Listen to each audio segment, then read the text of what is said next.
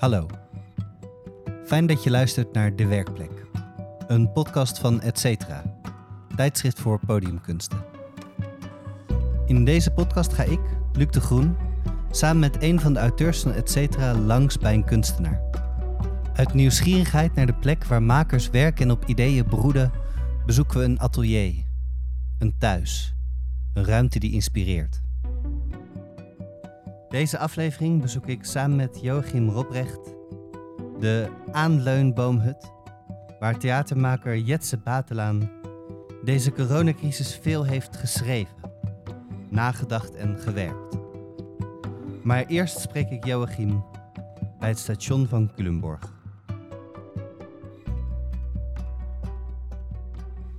We zijn uh, in Culemborg.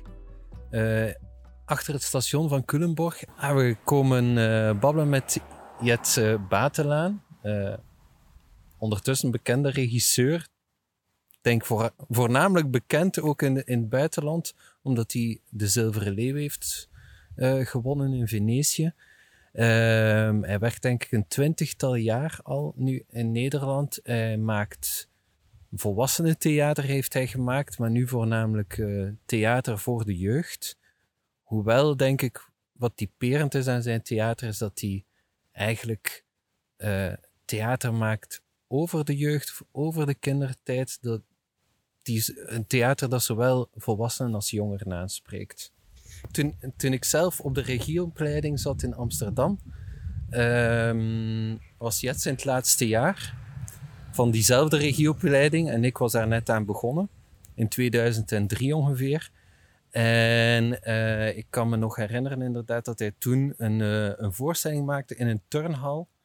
Uh, met een hele groep zingende mensen en zwevende luchtmatrassen. En ik vond, of tenminste, zo herinner ik het mij nu.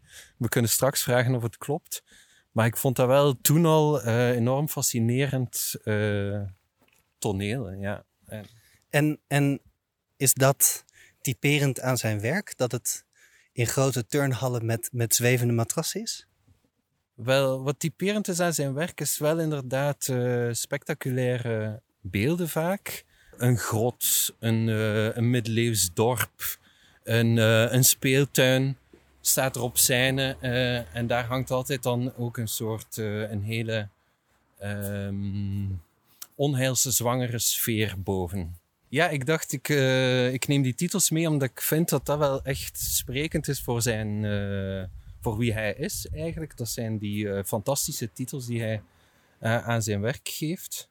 Ik zal er een paar voorlezen. een van de mooiste titels vind ik is Een cowboy met zijn handen hoog juicht waarschijnlijk niet. En veel van die titels hebben dus die lengte, zoals Pas als zaagsel krijgt een boom applaus. Of een voorstelling die scheid heeft aan zijn eigen vage titel. Of hoe de grote mensen weggingen en wat er daarna gebeurde. Dus altijd um, ja, hele beloftevolle, verwachtingsvolle titels. Uh, ja. en, en wat hoop je in dit gesprek uh, te weten te komen? Of waar, waar ben je benieuwd naar? Um, wel, uh, een van de dingen die ik zo typerend vind aan zijn werk is dat het eigenlijk, uh, het zijn jongere voorstellingen, maar ze zijn vaak heel uh, treurig en akelig en um, alsof er uh, een trauma in verwerkt wordt of een, een trauma boven hangt. En ik ben dus eigenlijk wel heel benieuwd naar hoe hij over de wereld denkt en hoe hij over de relatie tussen kindertijd en volwassenheid nadenkt. Oké, okay, laten we aanbellen. Yes. Zijn jullie al aan het draaien of valt het bij? Ja, we zijn uh, enorm aan het draaien al, ja. Nee. Dit is misschien wel lekker dat deze er even uitgaat. Dan zijn we die... Is dat een soort toiletemmer? Als je boven in de boomhut zit en je moet plassen, dan uh, plas je in deze zwarte emmer. Ik heb hier ook nog even een lift. En, uh... Oké, okay, uh, ja, waar beginnen we? Goh, we zitten hier dus in een boomhut en je hebt die verleden jaar gebouwd.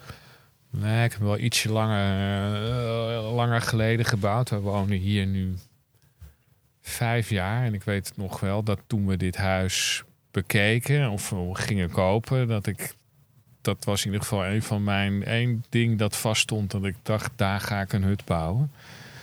Omdat ik, we zitten dus net in een soort gekke hoek met twee blinde muren waar ik hem lekker aan kon hangen, die hut. Dus ik denk dat hij, ja, dat hij er inmiddels toch wel vier jaar staat. En eh, was dat sowieso al een droom van je om, eh, om zo'n hut te bouwen? Nee, nou, ik vind het wel eh, leuk om met hout dingen te bouwen. Dus dat, dat sowieso veel spullen die in ons huis zijn, heb ik in elkaar getimmerd. Maar ja, je hebt kinderen en die eh, vinden dat leuk. En, eh, of zo, ja. Ik, eh, dat, alleen, het is grappig genoeg geworden. Mijn kinderen inmiddels zijn alweer... Die, nu zit ik er misschien zelf meer in dan... mijn- Afgelopen jaar is dat zo. Ik heb er meer in gezeten dan mijn kinderen. En, en, en, en hoe werk je hier dan? Want het is best wel, hoe zou ik het zeggen, precair ingericht of eh, ja, spaarzaam ingericht. hè? Er liggen hier een paar kussentjes Ja, en nou, that's it. De- ja, dat klopt. Zo zit ik hier dan, ja. Dus het is eigenlijk natuurlijk begonnen zo... Hè, wij, ik, we hadden dan eh, kinderen die hier thuis school hadden. En ik... En dan met dat gezoom, ze werden helemaal gestoord van mij. Van dat, gewoon omdat dat nogal... eh, ik stond heel hard te praten en dan mensen... Dus toen ben ik hier naartoe verbannen eigenlijk. Want dan konden ze binnen gewoon rustig werken. Ja, dan zit ik hier gewoon. En, maar op een gegeven moment, en dat had ik eerder ook wel gedaan, ook in de winter bijvoorbeeld, zit ik hier eigenlijk ook als ik echt iets moet schrijven of iets moet verzinnen, vind ik dit een hele prettige plek.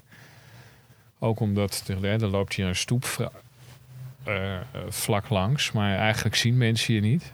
En ik zie iedereen wel. Dus het is een hele, eigenlijk een soort klassieke positie van een kunstenaar eigenlijk. Dat je gewoon net, net even boven het, eh, buiten de maatschappij hangt. En een beetje kan observeren en vanuit daar.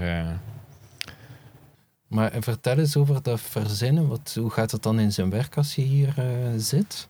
En ga je hier dan echt zo met een, een witte pagina zitten en eh, wachten Ja. tot de bijvoorbeeld nou, als ik. inspiratie komt? Ja, nou ja, meestal die, echt die allereerste fase. Dan ga ik vaak meer echt op pad en lopen en mee. En dan neem ik het boekje mee. Maar ook, dat komt ook wel voor. Maar hier was dus vaak veel. eh, ik heb hier veel geschreven het afgelopen jaar. Wat eigenlijk normaal helemaal niet zo in mijn praktijk voorkwam. Maar nu waren, is er eigenlijk een reeks van drie projecten geweest waarin toevallig die samenvielen in die, met, dat, met dit pandemiejaar. Waarin ik ineens eh, teksten moest produceren. En nou ja, dat heb ik natuurlijk ook een heel romantisch beeld. Ik kijk huizenhoog op tegen schrijvers. Maar nu kwam ik toch zelf ook echt wel in de buurt met een schrijfhut. En eh, ja, ik was, het was net echt eigenlijk. Ja, je hebt mezelf eh, iets opgestuurd wat eigenlijk nog een preview is. Hè? Klopt. En dus al een reflectie op de pandemie. Musical Klopt. the Musical heette het. Ja, dat is een beetje bij toeval ontstaan. Dat mijn eh, oudste kind, die zit nu in groep 8. En we hebben natuurlijk in Nederland de fantastische traditie dat we dan allemaal eh, een musical maken. En op de school van mijn kinderen is er een traditie dat de, ja, dat de ouders en met de kinderen dat, dat, ze, ja, dat er dus een nieuwe musical wordt gemaakt. Nou, en ik had me aangemeld voor die commissie om daarover na te denken wat voor musical dat zou worden. En toen ben ik echt in een soort eh, wave terechtgekomen. En toen eh, heb ik op een gegeven moment me moeten excuseren, omdat ik eigenlijk voor de eerste vergadering zo'n beetje de hele musical al geschreven had. Eh, dus dat. ja, die, die, maar die is echt wel voor 80, 90 procent hier geschreven. Maar ik, ik vond het echt heel leuk. Maar ook, eh, ik heb nachten wakker gelegen, moest ik weer naar beneden. Moest ik weer allemaal dingen even snel mijn boekje rammen. En dan boekje 's ochtends weer mee naar boven hier. En eh, En je hebt die echt in een boekje geschreven, niet in een... eh, Jawel, de, de- je nee, dus ik s'nachts had ik, ik lag van wakker en dat schreef ik dan even snel, quote, snel even in een, in een boekje. En dan heb ik het hier allemaal op een laptop uitgewerkt, ja. Ja, ik, ik heb het dus gelezen. Hè. Het is eigenlijk wel ergens een typische Jetse Batelaan, namelijk dat het ook ergens een musical is eh, die geen musical wil zijn. Hè, dus eh, het gaat over eh, kinderen die bezeten zijn door een, een dansvirus, een beetje vergelijkbaar met de dansepidemie die de middel, in de middeleeuwen hele steden teisterde. En nu eh, zijn er dus kinderen die een dans- en zingvirus onder eh, de leden hebben. En, eh, en die daar zo snel mogelijk vanaf willen komen. Ja, grofweg. Ja, eigenlijk de hele maatschappij zit inderdaad, blijkt in een musical te zitten. En dat is, ja, dat, dat is heftig nieuws, ja. Ja, ik vind het in, ik vind het in die, die zin een typische Jetse Batelaan, omdat het zo ehm, eigenlijk, zal ik maar zeggen, de fun van de, de musical en het entertainment eigenlijk in een totaal ander daglicht licht plaatst. eh, het als een ziekte en eh, een teistering eh, weergeeft. Ja, En maar- ik vroeg me af hoe, hoe, hoe ouders daarop gereageerd hebben dan die, die dit script onder ogen zagen en toch ook eh, zagen dat dit een eh, atypische musical was. Ik, heb daar, ik spreek die ouders natuurlijk nu niet, omdat je elkaar, je ziet elkaar eigenlijk niet op het schoolplein. Ik weet het eigenlijk niet zo goed hoe de ouders. Ik heb wel, eh, ik heb wel in het begin, toen ik een beetje met dat idee speelde, heb ik wel eerst ook geïmproviseerd met kinderen, met de kinderen van die, eh, om te voelen, ja, of zij, of dit wel in een soort iets was of een vorm van humor ook waar zij zich dan eh, toe konden verhouden. Maar dat bleek eigenlijk heel goed te werken. Dus ze hadden daar meteen heel veel lol in om dan heel ernstig een persconferentie na te gaan doen waarin er dan heel eh, bedrukt werd aangekondigd dat we hoogstwaarschijnlijk in een musical zitten en dat we daar eh, ons op moeten gaan instellen en dat het waarschijnlijk nog maar het begin is. En en ik heb dus eigenlijk vooral dat leidend laten zijn. Dus ik weet niet zo goed wat die ouders allemaal. maar ik, eh, ik vond het heel leuk om te merken dat die kinderen daar eigenlijk heel goed eh, meteen mee weg konden. Ook omdat er natuurlijk ook best wel wat kinderen zijn die er ook heel erg tegen opzagen, tegen de musical.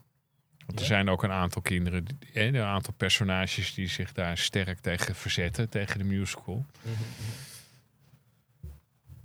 Bijvoorbeeld mijn eigen zoon is daar één van. Dus die Ja. kon ik gewoon, die kon ik gewoon letterlijk quoten de hele tijd. Is dat iets wat je vaak inspireert? eh, je eigen kinderen, andere kinderen? Is dat iets waar dat je mee bezig bent? Of is het vaker je eigen kindertijd?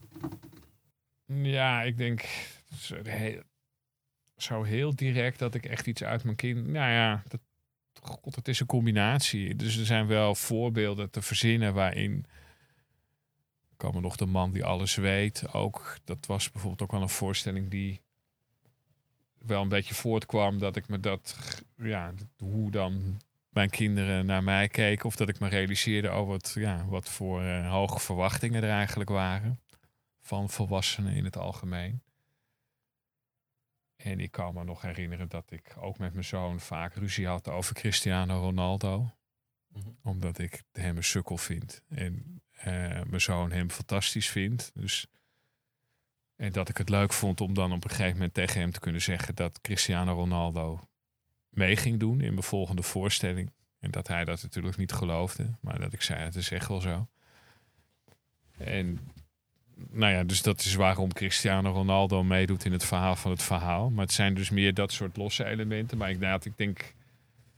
En ik maak natuurlijk ook inderdaad de kinderen mee waar mijn kinderen mee omgaan. Maar ik denk ook inderdaad gewoon mijn eigen jeugd en wat ik toen allemaal heb zien rondlopen. Of dat dat ook een absoluut een belangrijk referentiepunt is. Dus het is een combinatie. Ik heb nu naar aanleiding van dit gesprek een paar dingen kunnen terugkijken. En ik dacht eigenlijk veel van de voorstellingen van jou hebben een hele duistere kant. In de zin dat er altijd een soort van eh, tragische gebeurtenis in voorkomt of staat te gebeuren. Een gebeurtenis die je als kind absoluut niet zou willen meemaken. Of een situatie die je als kind absoluut niet zou willen eh, meemaken. En ook als ouder niet. Uh, bijvoorbeeld hè, een, een huisuitzetting of een, een kind dat van de ouders wordt weggehaald. Of een, uh, een vader die zijn kind niet mag zien. Of een heel dorp uh, ouders die het dorp collectief verlaten, waar dat de kinderen dan alleen in achterblijven. En ik vroeg mij wel af, eigenlijk terwijl dat ik die conclusie trok over jouw voorstellingen, dat het eigenlijk altijd een soort ansenering van een, een trauma is of een potentieel trauma. Uh, of er ook ergens een soort wereldbeeld achter schuilt. Soort misschien niet negatief, maar een pessimistisch wereldbeeld. Ik hoop het niet eigenlijk. Ik, ik heb zo nog niet naar mijn eigen werk gekeken. Ik bedoel, alle voorbeelden die je noemt, die kloppen. Dat zijn wel... Maar het zijn toch ook weer alle... Dus de, de, eerste drie voorbeelden die je noemt, die komen uit de voorstellingen Reuzen. Dat was een voorstelling voor volwassenen. Dat was eigenlijk hmm. ja, een soort bezwering van mijn eigen angst. Dus dat, ik, dat is eigenlijk een soort klassiek... Uh, Grieks uh, principe eigenlijk van om maar gewoon, laat ik gewoon maar de grootste angstdroom van het ouderschap op toneel zetten. Omdat, hè, dus dat zijn inderdaad allemaal scenario's waarin ouders hun kinderen kwijtraken, op, op, op welke manier dan ook. Ja, maar in, toen uh, de grote mensen weggingen en wat er daarna gebeurde en in het geheven vingertje ja, daar zitten die elementen ook. Zeker, ja. Ja, dus kijk, bij het geheven vingertje is het vooral, uh, die, dat gaat heel erg over moraliteit en dus vooral ook over immoreel gedrag van ouders. Want ik bedoel, daar staan ook op een gegeven moment de verkeerde vader met de verkeerde moeder te zoenen. Hè. Dat zijn ook allemaal niet echt aanlokkelijke scenario's, voor, hele bedreigende scenario's voor een kind. Überhaupt dat er nog seksuele aantrekkingskracht zou zijn tussen eh, die buiten zijn eigen vader en moeder, dat is natuurlijk sowieso eigenlijk. Daar hebben kinderen helemaal niks aan. Dat is alleen maar eh, vervelend voor ze. Ehm, en hoe de grote mensen weggingen, ja, dat is eigenlijk ook een horror scenario. Alleen daar wordt ook. Dus ik denk wel in die laatste twee voorbeelden, zowel het geven vingertje als in het. Hoe de grote mensen weggingen, zijn het wel. De kinderen hebben uiteindelijk wel een hele glorieuze rol in die. In die hè, dus zij overwinnen deze situaties eigenlijk glansrijk. En het, dus wat er, ik weet niet of er een wereldbeeld achter zit, maar het is wel zo dat ik heel bewust uh, enge, onduidelijke, onvoorspelbare, chaotische situaties creëer. Zeker in aanvang als openingsset. Ik, we hebben ooit ook, omdat ik natuurlijk in een jeugdtheatergezelschap werk, dan moet je ook een beetje nadenken over wat je educatieve waarde is. Dat wil het onderwijs dan ook van je weten. En toen heb ik wat lang over na moeten denken. Ik denk, ja, god, waar geven wij nou les in? En toen is op een gegeven moment daar is een beetje onze slogan van het gezelschap uitgekomen. Namelijk dat wij zeggen dat wij lesgeven in vertrouwen aan een wereld in paniek. En dat klopt ook wel. Voor, hè, dus ergens denk ik, ja, ons voornaamste product is eigenlijk paniek. Hè. Wij creëren eigenlijk een soort paniekervaringen, op welke manier dan ook. Omdat je gewoon geen idee hebt waar je naar zit te kijken. Of omdat het, dat er al alle, alle ouders weggaan terwijl er nog kinderen liggen te slapen. En in, eigenlijk in alle gevallen. En dat doe ik, omdat ik denk dat het theater ook een fantastische plek is om die ervaringen te oefenen eigenlijk. We zijn gelukkig nog in een spel met elkaar. En ook omdat ik denk dat het leven behoorlijk onvoorspelbaar is en ook zal zijn. In die zin is het ook zo dat we nu, zo die hele pandemie, dat is een crisis, maar dat is eigenlijk nog een leuke oefencrisis die we nu hebben voor mij is theater dus ook een hele mooie plek om kinderen. En eh, het is ook een soort gekke weerbaarheidstraining. En, ook, en deels is het dus in heel veel van die gevallen is de situatie heel vreemd. Of je snapt niet waar je naar zit te kijken. En toch blijkt dat we ons daar toch met verbeeldingskracht of collectief daar toch weer ons toe kunnen verhouden. En dat we, eh, ja, dat we dat toch op een, een of andere manier voor elkaar krijgen om daar weer toch een, eh, ons daarmee te verbinden. Ook al was het in aanvang volstrekt eh, ja, onbekend. Mm. Dus ik denk dat het eerder dat is dan dat ik heel somber nadenk over bijvoorbeeld de relatie tussen ouders en kinderen. Ja, ja. Of dat ik uh, ja, heel negatief. Ik, ik geloof wel uh, toch wel dat ja, die goede bedoelingen, daar geloof ik wel in. Maar tegelijkertijd, ondanks al onze goede bedoelingen, gaat er toch een hele hoop mis. En daar zullen we toch ook mee moeten dealen. Als je deze podcast leuk vindt, dan zou ik zeker ook de geschreven artikelen van Etcetera lezen. En voor deze aflevering wil ik je er één in het bijzonder aanraden. Namelijk Ontregelend en Absurd. Een reflectie van Evelien Koesens op de voorstelling De dag dat de papegaai zelf iets wilde zeggen van Jetse Batelaan. Hierin reflecteert zij op haar eigen ontreddering, op haar gebrek aan grip en alles wat dat met haar deed. Het laat zien welke impact een voorstelling van Jetse Batelaan kan hebben en hoe mooi die voorstellingen kunnen zijn. Ik kan het je van harte aanbevelen. En hij is uiteraard te vinden in de show notes. En um, hoe gaat het dan concreet in zijn werken? Want nu, nu heb je die script geschreven in het laatste jaar. Maar eigenlijk is dat al atypisch voor je werk. Dus hoe begin je dan eigenlijk als je zo'n uh, panieksituatie creëert? Maar waar ga je de repetities mee in? Ja, dat ik een stuk schrijf van A tot Z, dat had ik eigenlijk nog nooit gedaan. Of voor het laatst toen ik 17 was. Dus, dat, die, dus die musical, de musical, dat is wel echt een hele grote uitzondering.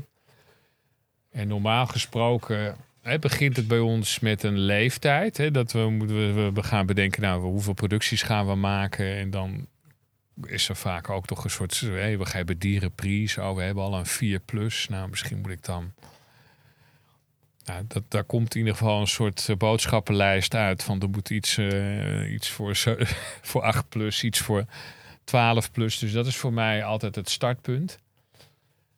En dan ga ik inderdaad nadenken over wat ik dan een heel uh, opwindend zou vinden om te laten gebeuren ten opzichte van die leeftijdscategorie. En ik denk dan altijd, want wij spelen vrije voorstellingen, dat is met gemengd publiek.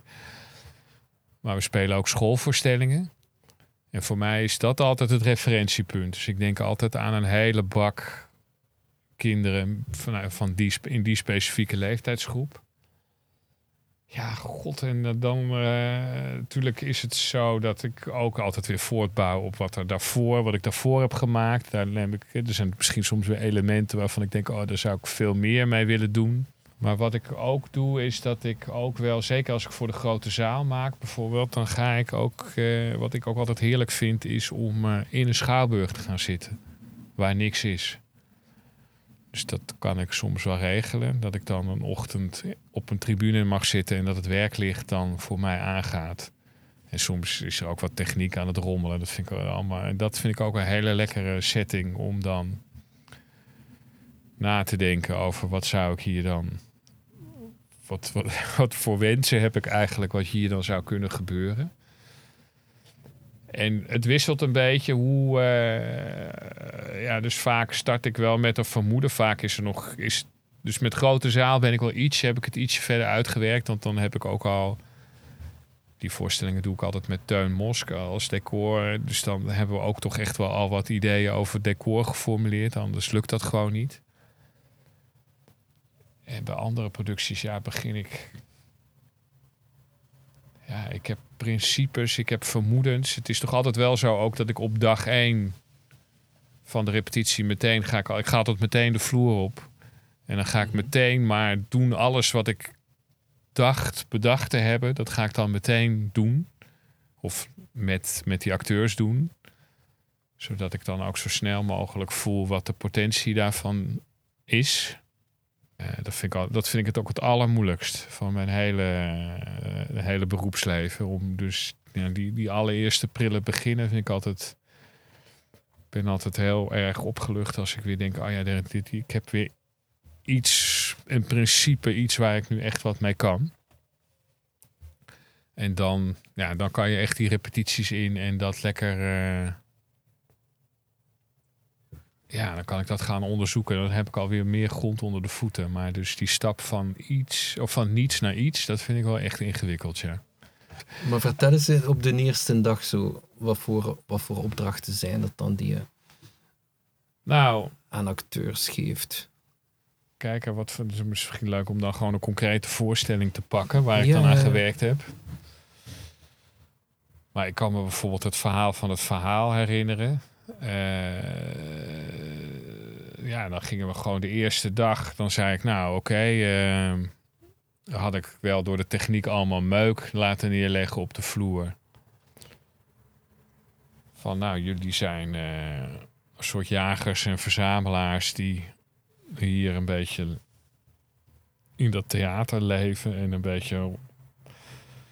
Ja, maak maar een soort kostuum. Eh, Van die, al dat tape en al die spullen die je hier kan vinden. En dan ga er maar een beetje rommelen. Nou, dat, dat gingen ze dan doen. En dan had ik even een soort gevraagd of er een kartonnen doos. En dan liet ik een keer een kartonnen doos oversteken. Terwijl ze dat aan het doen waren. Nou, dan dacht ik, oh ja, dat, dat is inderdaad daar werd ik in bevestigd dat dat, dat dat prikkelend was. En dan had ik ook nog wel een vermoeden over een soort voice-over. Dus dan, terwijl er helemaal geen tekst was, ging ik dan toch een soort suggestie van een voice-over. Nou, dat vond ik dan ook wel prettig. En ik had dus ook al wel bedacht iets met die grote poppen. En daar, daar had ik ook al een soort schets van laten maken. Dus die liet ik dan ook nog even inkomen. Nou, zo een beetje. Dus dan gooi ik eigenlijk alle ingrediënten al eens in de pan om te voelen van hey, word ik hier inderdaad zo enthousiast van als dat ik er in mijn hoofd enthousiast van werd. En in dit geval was dat zo. En dan, nou, ja, dan gaan we. Ga ik door. En dan eh, gaan we de volgende dag eh, weer zo dat weer verder uitdiepen en wat er allemaal mee kan. En eh, Heel intuïtief eigenlijk, van, van scène of van beeldje naar beeldje. Ja, dus ik vaak onderzoek ik eerst wat er allemaal. Dus eigenlijk stap 1 is dat ik gewoon eh, een soort vertrouwen moet krijgen in mijn basismetafoor of in mijn basisideeën. En als dat zo is, dan ga ik een beetje onderzoeken even van wat is nou de band, wat kan er allemaal binnen die ideeën. Een beetje zo, oh ja, je kan, kan ook een beetje zus, kan een beetje zo. En dan is er een moment dat ik eigenlijk bedenk: oké, nu ga ik echt het stuk maken. En dan ga ik eigenlijk heel chronologisch werken. Dus dan denk ik: oké, wat is de. En ik zit altijd een soort imaginair schaakwedstrijd met mijn publiek. Dus dan denk ik echt: nou, wat is de eerste zet?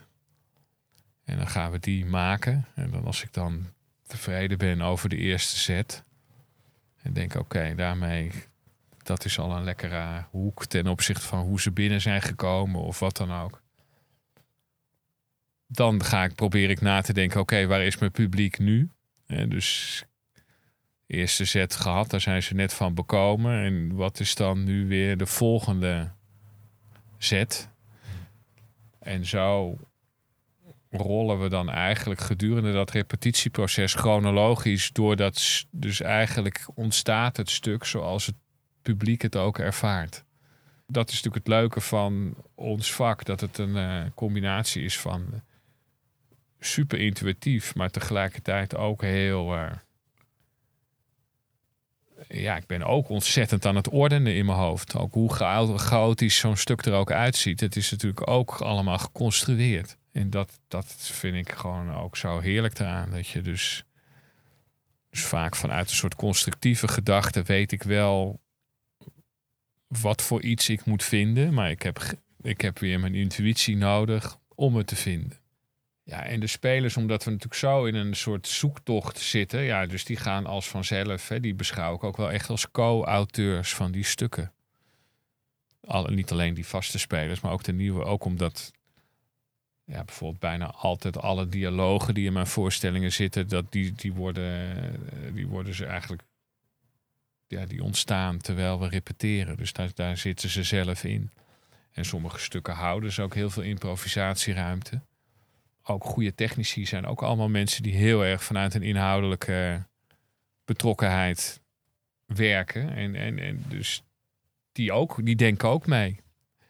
En dan soms misschien vanuit een praktische invalshoek, maar die denken ook wel echt wel degelijk mee in wat we aan het zoeken zijn en wat er wel of niet. Uh, ja, dat vind ik allemaal, dat is natuurlijk fantastisch als dat lukt, als je met z'n allen een poets aan het bakken bent. Een poets aan het bakken? ja. Nou, gewoon dat je iets, uh, iets aan het voorbereiden bent waarvan de hele buitenwereld nog geen weet heeft. Het is natuurlijk ook een heel lekker geheim wat je dan met elkaar opbouwt. Wat steeds geraffineerder in elkaar gaat zitten. En waar je steeds meer op gaat verheugen dat daar straks niets vermoedende mensen geslacht gaan worden in ons uh, schaakspel.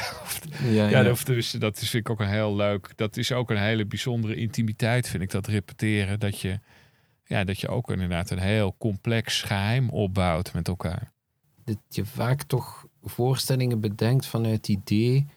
Uh, ik ga iets maken dat kinderen absoluut niet willen zien. Of uh, wat, wat ze zeker niet leuk gaan vinden dat dat vaak een soort uitgangspunt is. En ik zie dat soms ook wel in, uh, in de titels terug, bijvoorbeeld uh, in de titel Een voorstelling waarin hopelijk niets gebeurt.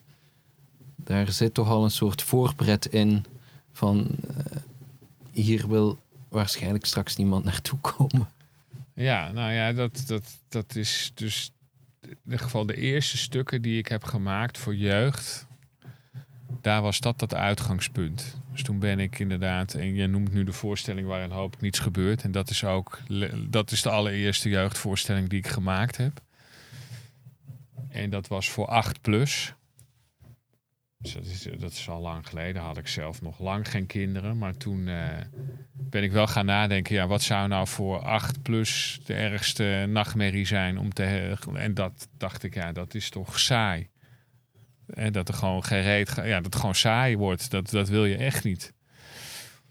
En, uh, en toen heb ik daarna voor 10 plus het geheven vingertje gemaakt. En daar dacht ik, uh, ja, autoriteit. Dat is, je wil echt niet naar een voorstelling en dat er dan weer volwassenen tegen je gaan zeggen hoe je moet gedragen en dat je het allemaal verkeerd doet. Daar heb je dan absoluut geen zin in. En daarna heb ik iets voor 14 plus gemaakt en dat heette Toneel. Want ik dacht voor 14 plus is gewoon kunst op zichzelf is eigenlijk al je worst nightmare. Dus dat, toen heb ik eigenlijk daarmee gespeeld.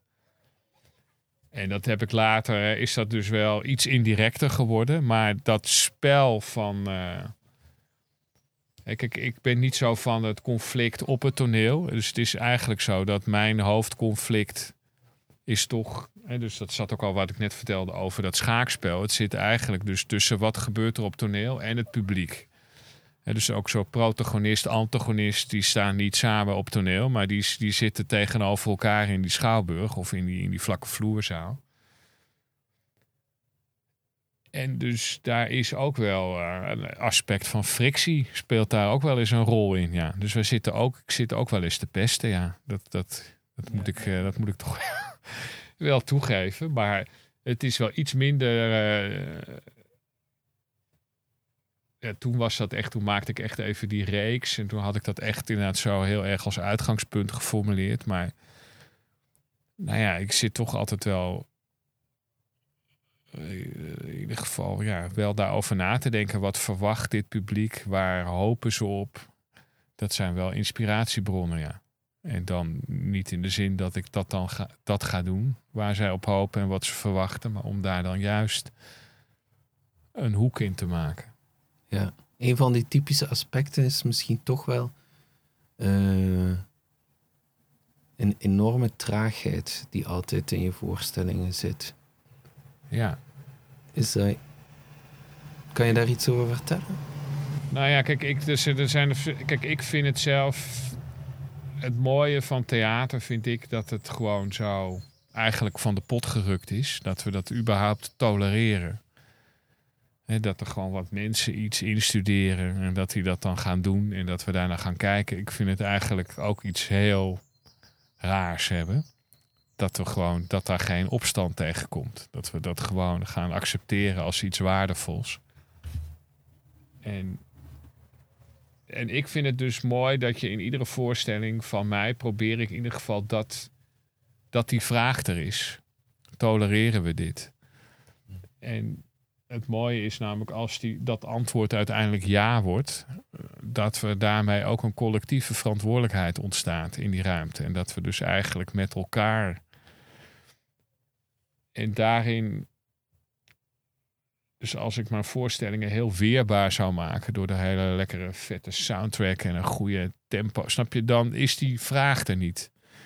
En die traagheid vind ik toch ook mooi om. Ja, daarmee wordt toch ook dat wel op de proef gesteld de hele tijd. Van kan dit wel wat hier gebeurt? Gebeurt er wel genoeg? Is er uh, dat enerzijds? En wat ik er soms ook mooi aan vind, is dat er uh, juist op momenten dat er niet zoveel actie is, dat er ook zo'n het, dat, dat bijna die lichamen op het toneel en de lichamen die op de tribune zitten, dat die bijna gewoon helemaal in dezelfde wereld terechtkomen. Snap je dat eigenlijk iedereen zit te wachten op het volgende wat gaat gebeuren? Uh, dat vind ik. Ja, maar ik, ja, dus ik wil eigenlijk gewoon toch steeds dat het ter discussie staat. Ja. Wat er gebeurt. Ergens doet mij jouw, jouw verhaal ook denken aan die, en die politieke dimensie, zou maar zeggen, van dat theater, dat het iets is dat ook in de ogen van sommige mensen daadwerkelijk een enorme, enorme hoop onzin is, die veel te raar is om getolereerd te worden. Ja, nou ja, goed, dat, dat vind ik natuurlijk niet. Maar ik vind het in ieder geval ook niet zo dat theater iets is wat gewoon sowieso van belang is. En zeker als je dus ook voor kinderen en, eh, of jeugd, of ik vind het heel. Ik denk dat het ook nodig is dat dat theater gewoon steeds opnieuw weer zijn waarde bewijst. En uh, er zit ook wel iets heel anti-elitairs in mij.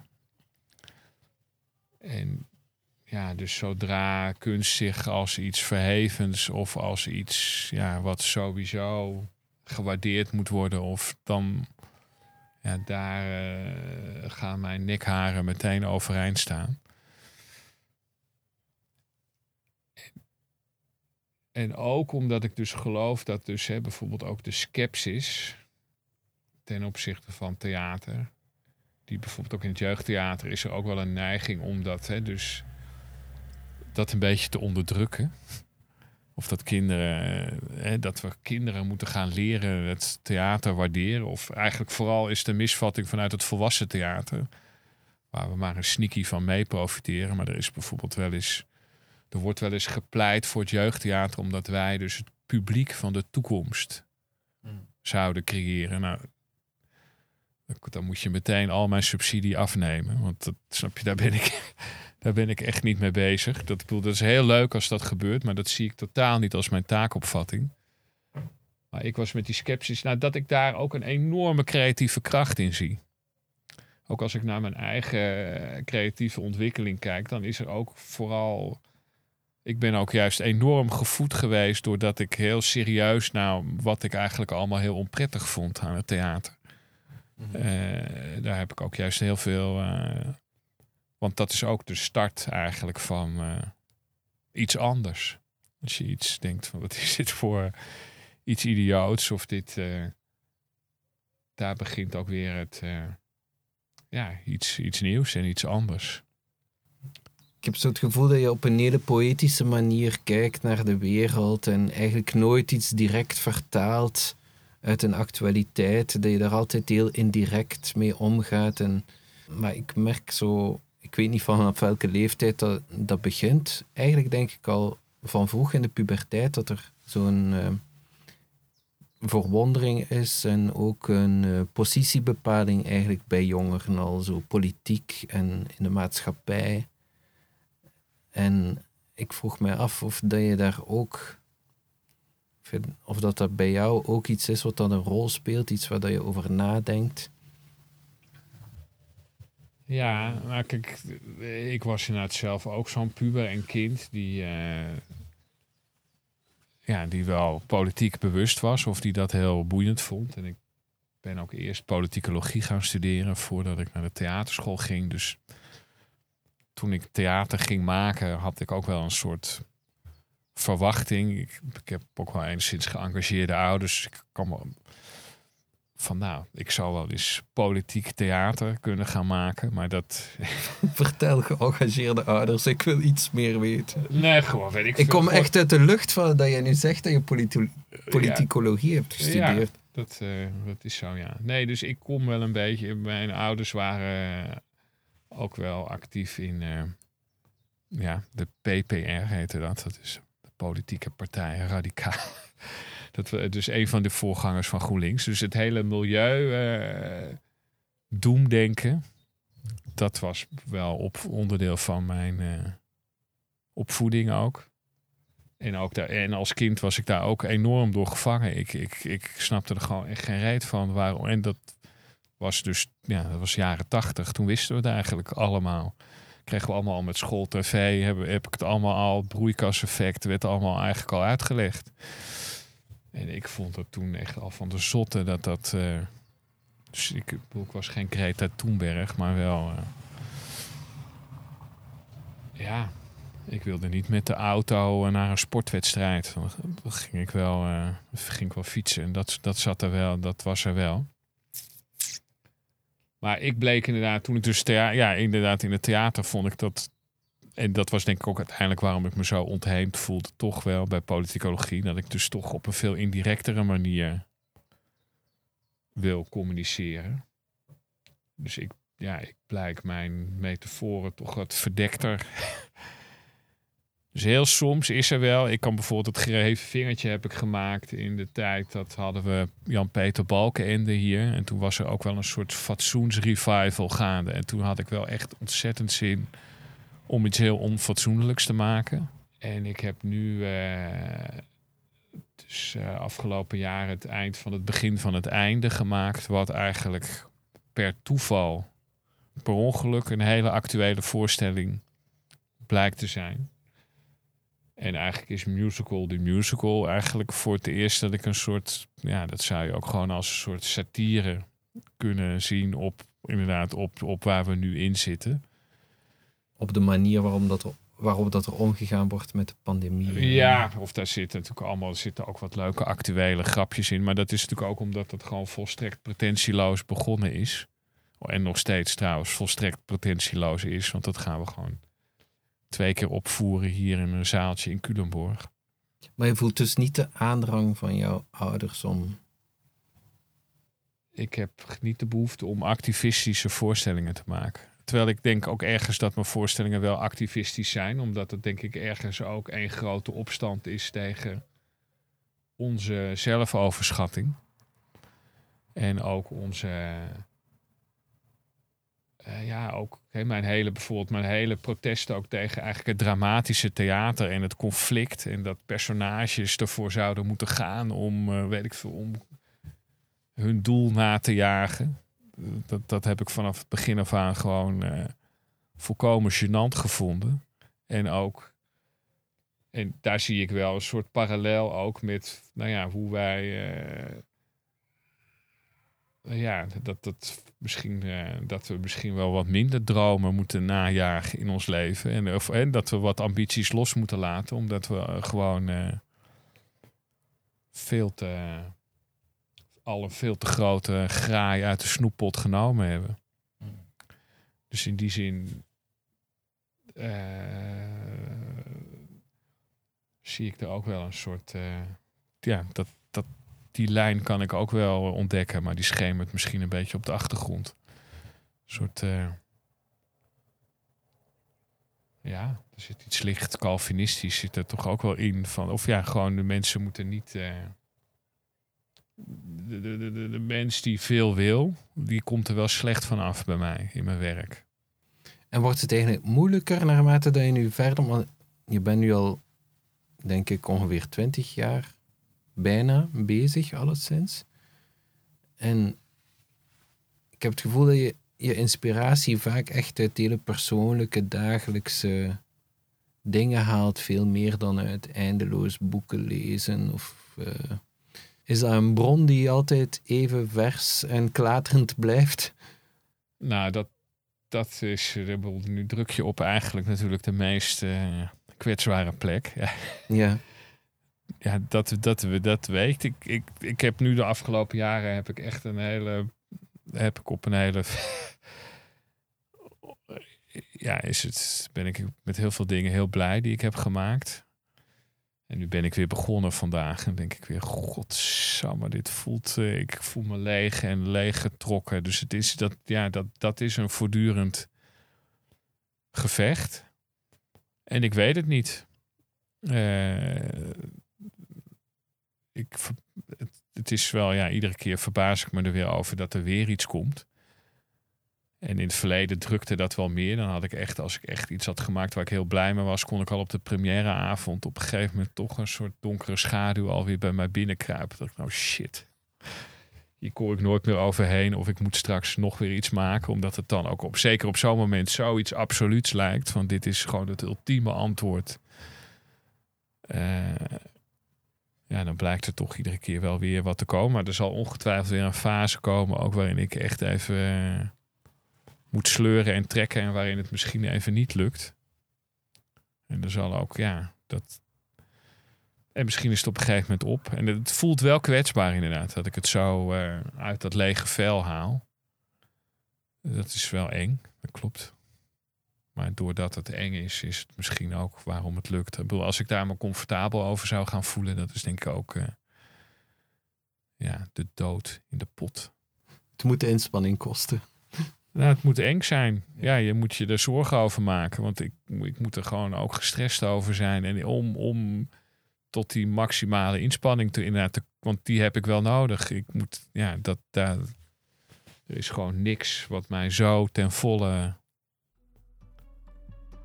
uh, bevraagd als het maken van een voorstelling. Dat is nog steeds zo. Je luisterde naar De Werkplek. Een podcast van Etcetera, tijdschrift voor podiumkunsten. Muziek die je hoorde is van Pablo Casella. Logo is gemaakt door Bart Herweg. Je vindt de artikelen van Etcetera in print of op de website e-cetera.be. Volg ons op Instagram en Facebook om altijd op de hoogte te zijn van het laatste nieuws. Mijn naam is Luc de Groen. Bedankt voor het luisteren en tot de volgende keer.